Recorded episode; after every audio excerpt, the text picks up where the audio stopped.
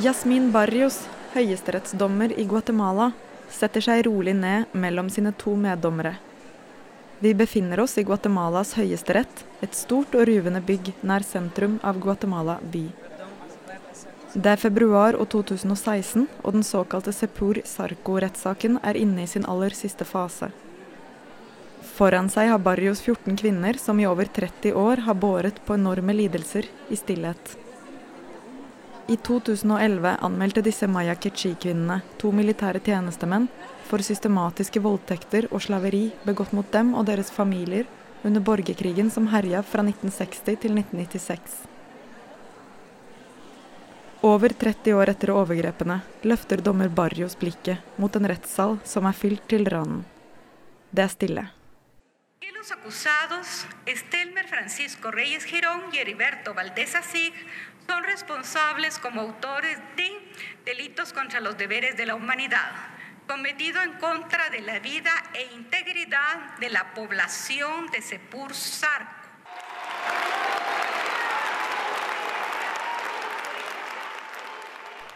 Skyldspørsmålet er endelig avklart. To militære veteraner blir dømt for forbrytelser mot menneskeheten og for tvungen forsvinning. Bak disse tunge juridiske termene ligger timevis av vitnesbyrd om systematisk seksuell vold, tortur, slaveri, bortføringer og drap under borgerkrigen i Guatemala.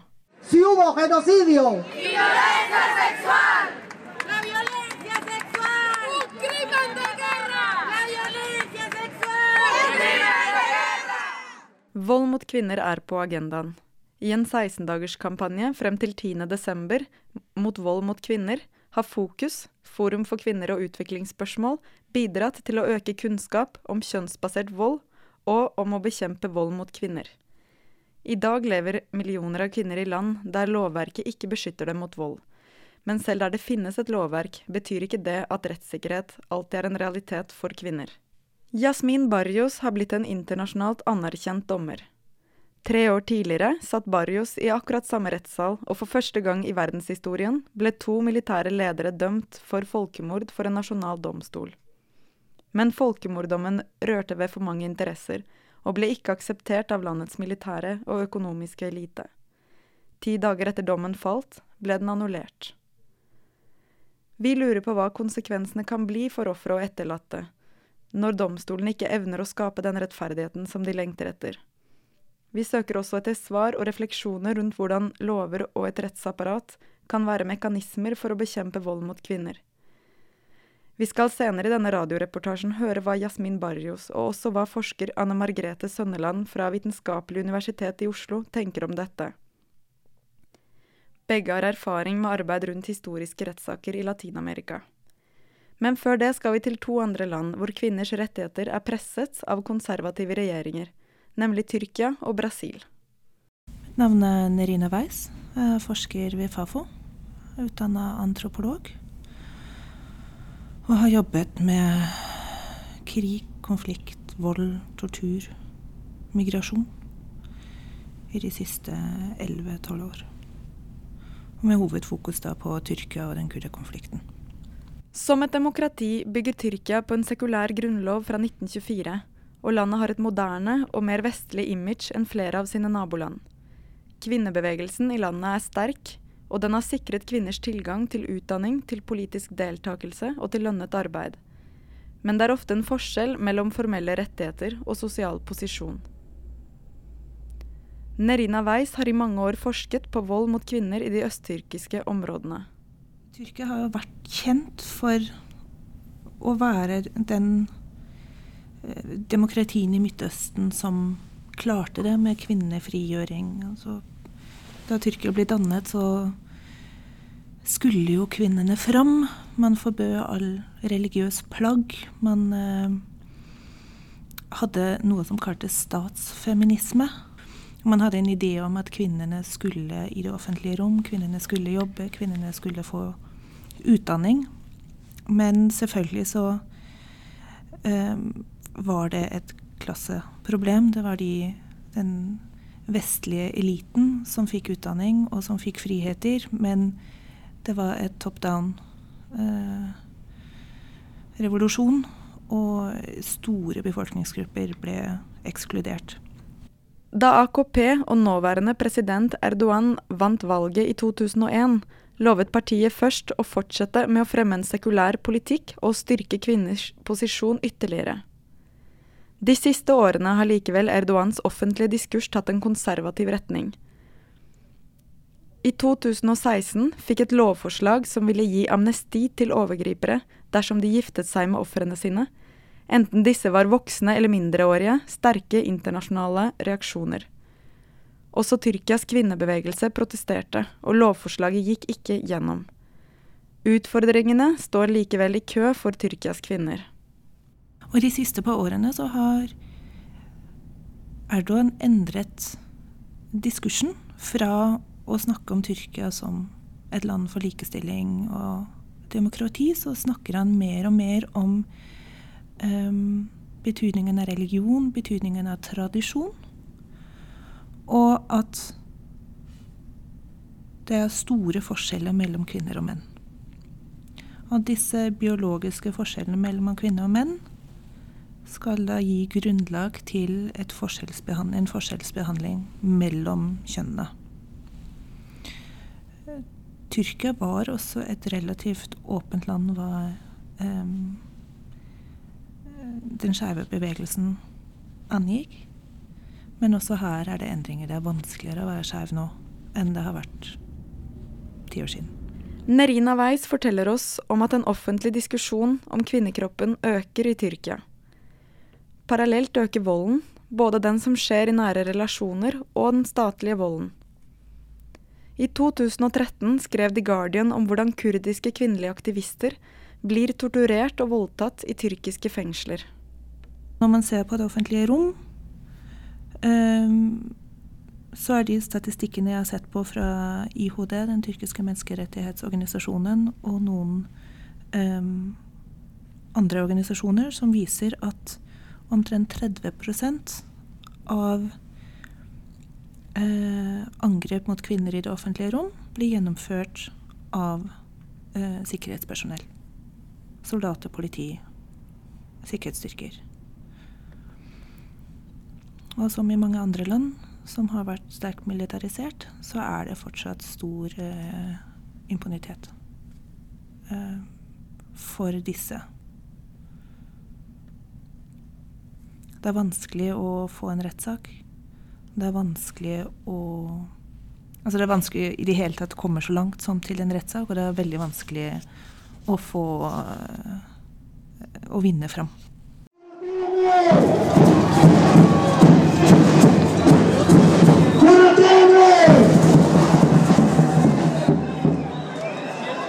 Fora Temer, ut med Temer, den sittende presidenten i Brasil, har det blitt ropt i en rekke demonstrasjoner.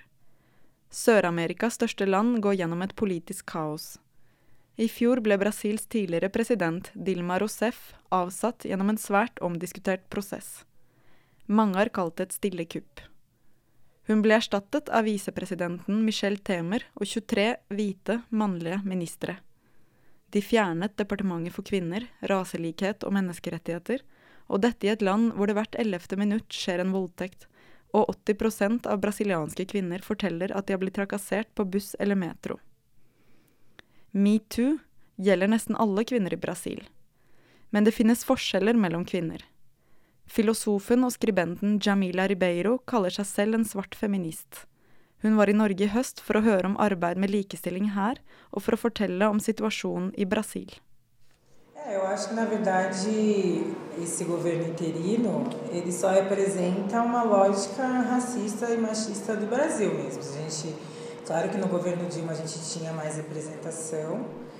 Denne interimregjeringa vi har i dag, representerer bare mannssjåvinismen og rasismen i Brasil. Vi var bedre representert som kvinner under regjeringa til Dilma Rousef, men sannheten er at den svarte befolkninga og spesielt kvinnene, er utafor rommene der de politiske avgjørelsene blir tatt. Så denne regjeringa her, den er bare et speilbilde på det brasilianske samfunnet. Dette er et strukturelt problem, og den finnes i alle politiske rom i Brasil. Historisk så har kvinnene og den svarte kvinnen vært utafor institusjonene og maktens korridorer. Det finnes veldig få unntak som ikke kan bekrefte denne regelen. Så det du ser i dag, denne mannssjåvinistiske og rasistiske regjeringa til Temer, det er bare sånn Brasil faktisk er.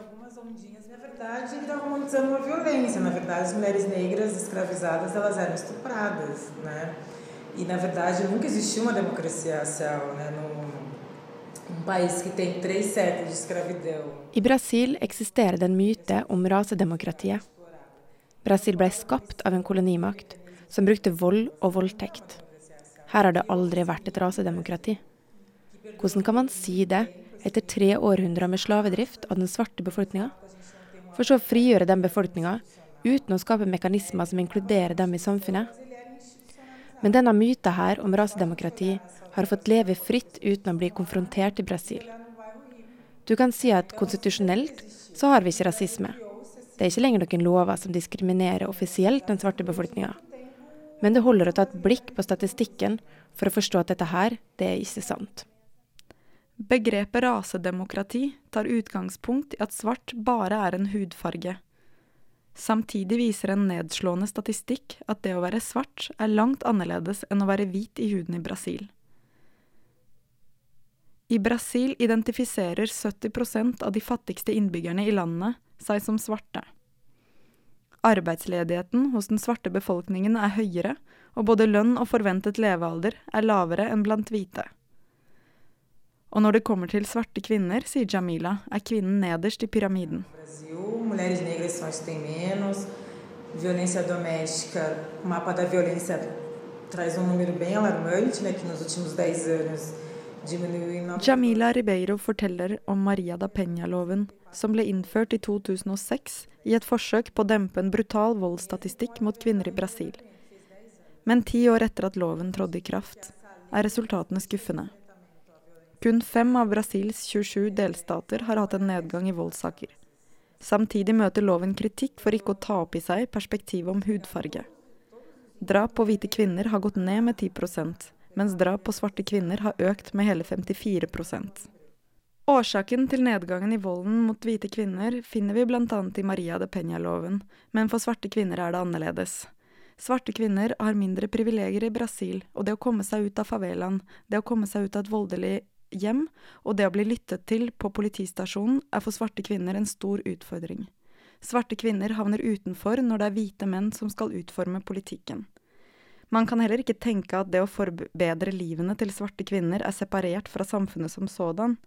Å forbedre livene til svarte kvinner betyr å forbedre hele byen, sier Jamila Ribeiro. Hun mener at debatten i Brasil er surrealistisk, fordi man kan ikke diskutere lover og rettigheter separat fra det faktum at nasjonen bygger på en rasistisk tankegang.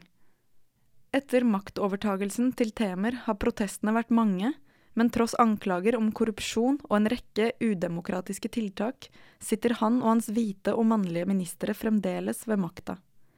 Ville det ha vært annerledes om regjeringen hadde flere kvinner og flere svarte? né?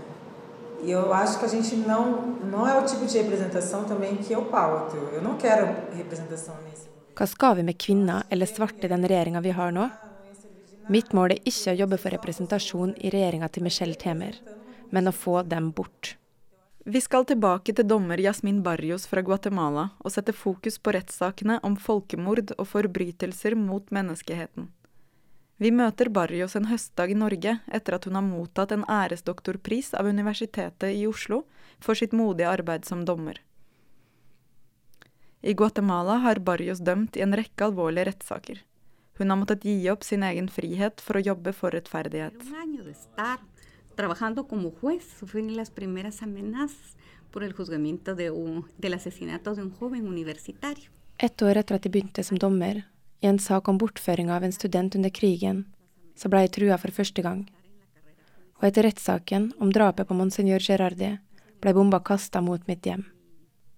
Men takket være Gud så lever vi fortsatt. Det var en vanskelig periode. Siden den gang så har jeg levd med politieskorte, for livet mitt ble ansett som i fare. Barrios har vært dommer siden 90-tallet, men ble mer kjent internasjonalt etter folkemordrettssaken i 2013 og Sepur Sarko-saken, som endte med dom i februar 2016, og som vi hørte om i starten av denne reportasjen. Begge disse sakene dreier seg om alvorlige forbrytelser mot menneskeheten og strekker seg tilbake til 80-tallet, et av de mørkeste kapitlene i løpet av den over 36 år lange borgerkrigen i Guatemala. Yasmin Barrios forteller om forbrytelsene som ble begått mot kvinnene i Sepursarco-saken. Violación constante a la que fueron sometidos, violación sexual. Las mujeres eran sometidas mañana, tarde y noche a violación sexual por parte de los soldados. Y el jefe del destacamento tenía conocimiento Kvinner ble underlagt slaveri, men det verste er de konstante voldtektene. Morgen, middag og kveld utført av soldatene. Og sjefen for militærleirer visste om dette. I Seporsarco ble først deres ektemenn bortført. Kvinnene og barna ble alene igjen, og deretter så ble de voldtatt. Det er ikke snakk om spontane kriminelle handlinger, men om en nøye planlegging. Entonces el mensaje es que no se vuelvan a producir hechos de esa naturaleza para preservar los derechos humanos. Det er en del av oppreisninga som ofrene har krav på. At sånne situasjoner ikke skal skje igjen. Og ikke bare innenfor Guatemalas grenser, men i hele verden. For det her er snakk om forbrytelser mot menneskeheten. De skader ikke bare ofrene sjøl, men hele menneskeheten. Derfor må vi bevare menneskerettighetene og menneskers verdighet, for å forsikre oss om at dette her ikke skjer igjen. Mens Sepor Sarko-sakens dom består i dag, ble folkemordrettssaken annullert ti dager senere. Dommen rørte ved for mange interesser, og ble ikke akseptert av landets militære og økonomiske elite. Et svakt rettssystem i Guatemala tillot at dommen ble annullert.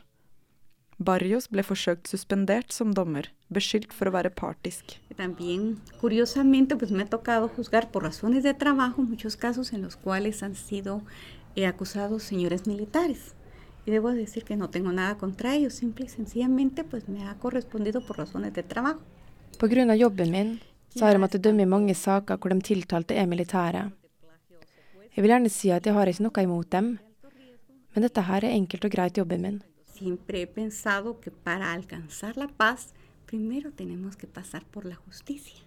Rettferdighet gjelder alle, uten privilegier, og uten forskjeller basert på politikk, økonomi, etnisitet, religion eller andre grunner. Retten og rettssystemet er for alle. For mange er dommen likevel reell, og man tviholder på dommens legitimitet. Si hubo genocidio i violencia sexual. Ja, det var et folkemord, og det ble utført seksuell vold, har nå blitt lyttet til og anerkjent av rettssystemet.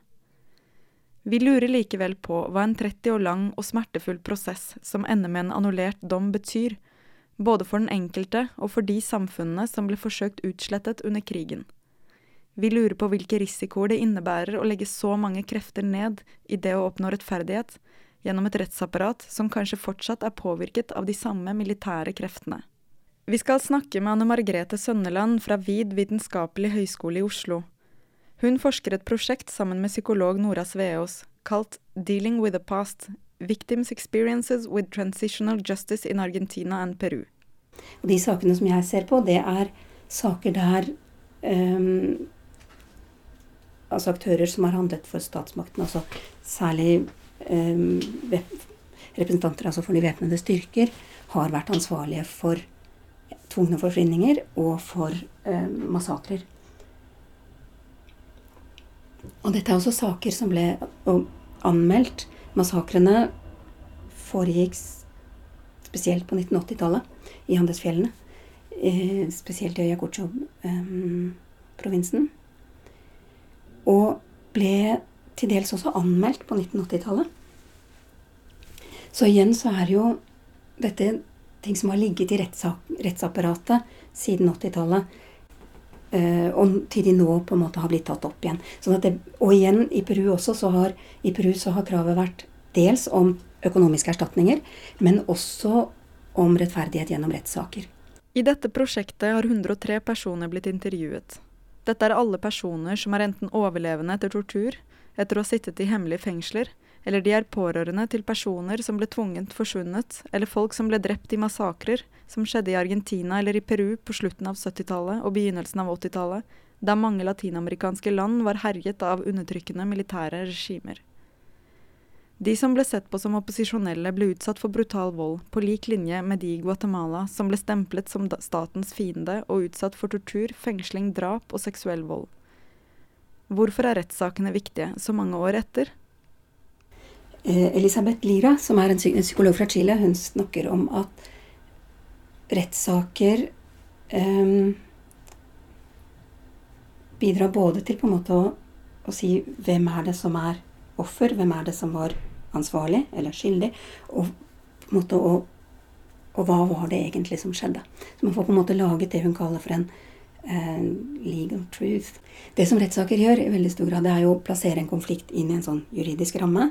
Det er sånn som, som Elisabeth Lira sier, så du får liksom tydeliggjort hva var det som skjedde, hvem var det som var offer her, og hvem er det som er ansvarlig. Og det som rettssaker gjør, dersom, i hvert fall dersom du sånn som Argentina nå får fellende dom, i veldig veldig mange av sakene, det er jo at du plasserer ansvar.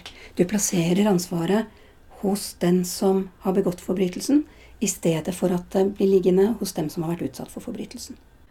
Plassering av skyld er viktig, på tross av at det kan være svært tøft å gå gjennom rettssakene. Både Anne Margrethe Sønneland og Jasmin Barrios understreker hvor viktig funksjon en rettssak også kan ha for å fortelle samfunnet hva det er som har skjedd. Slik at dette aldri skjer igjen, aldri mer, ikke her og ikke noe annet sted. Det som jeg syns jeg ser veldig mye i de intervjuene vi har gjort, kanskje særlig med de som faktisk vitner i rettssaker, eller de som er det som heter private prosecutor i rettssaken i Argentina, det er viktigheten av at dette blir gjort kjent. I Argentina så blir også alle, alle rettssakene de blir eh, tatt opp på bånd, de blir filmet. Sånn at det på et vis også dermed gjøres tilgjengelig eh, for andre senere. Og dette ansvaret som veldig mange peker på, særlig overfor de som ikke lenger er i live, de som er tvungent forsvunnet, som er forsvunnet, som, er, um, som ble drept,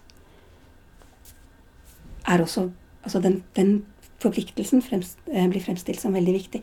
I tillegg så er det et punkt som jeg syns nevnes ekstremt ofte. Det er dette at rettssakene er viktige, og den kampen de fører for sannhet og rettferdighet, er viktig for at dette aldri skal skje igjen. Ikke her, og heller ikke noe annet sted. Entonces el proceso tiene en sí una sanación, sanación de heridas, pero también difundirlo para que las nuevas generaciones conozcan lo ocurrido en el pasado reciente de nuestro país. Y nuevamente evitar procesos de repetición. Dommen betyr å lege sår, men det er også viktig å spre dens innhold, slik at unge generasjoner veit hva som har skjedd i vårt lands historie, og slik at vi kan forhindre at dette her skjer igjen. Vi har lyttet til fire perspektiver om rettssikkerheten til kvinner i ulike land, og om rettsapparatets rolle i store historiske saker om forbrytelser mot menneskeheten. Erfaringene fra Brasil og Tyrkia viser at løsninger som kommer ovenfra, risikerer å usynliggjøre viktige sosiale forskjeller og undertrykkende systemer. Kvinner har ulike forutsetninger for å bruke rettssystemet og for å frigjøre seg fra vold. I Anne Margrethe Sønneland og Jasmin Barrios erfaringer har rettssystemet bidratt til å plassere skyld. Dette er grunnleggende viktig for de som har vært ofre, og en forutsetning for å rekonstruere ødelagte samfunn.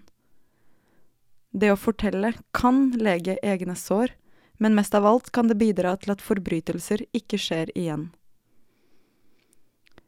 Etter at dommen i Sepur Sarko-saken falt i februar 2016, samlet kvinnene seg i et vindu og vinket til folkemassen. For første gang kunne man se ansiktene deres, som av sikkerhetsårsaker var tildekket under hele rettsprosessen. Kvinnene hadde brutt en taushet og en barriere, ikke bare i Guatemala, men internasjonalt og ved å konfrontere eliten har kvinnene gitt Guatemala en mulighet til å bygge et tryggere og mer demokratisk samfunn.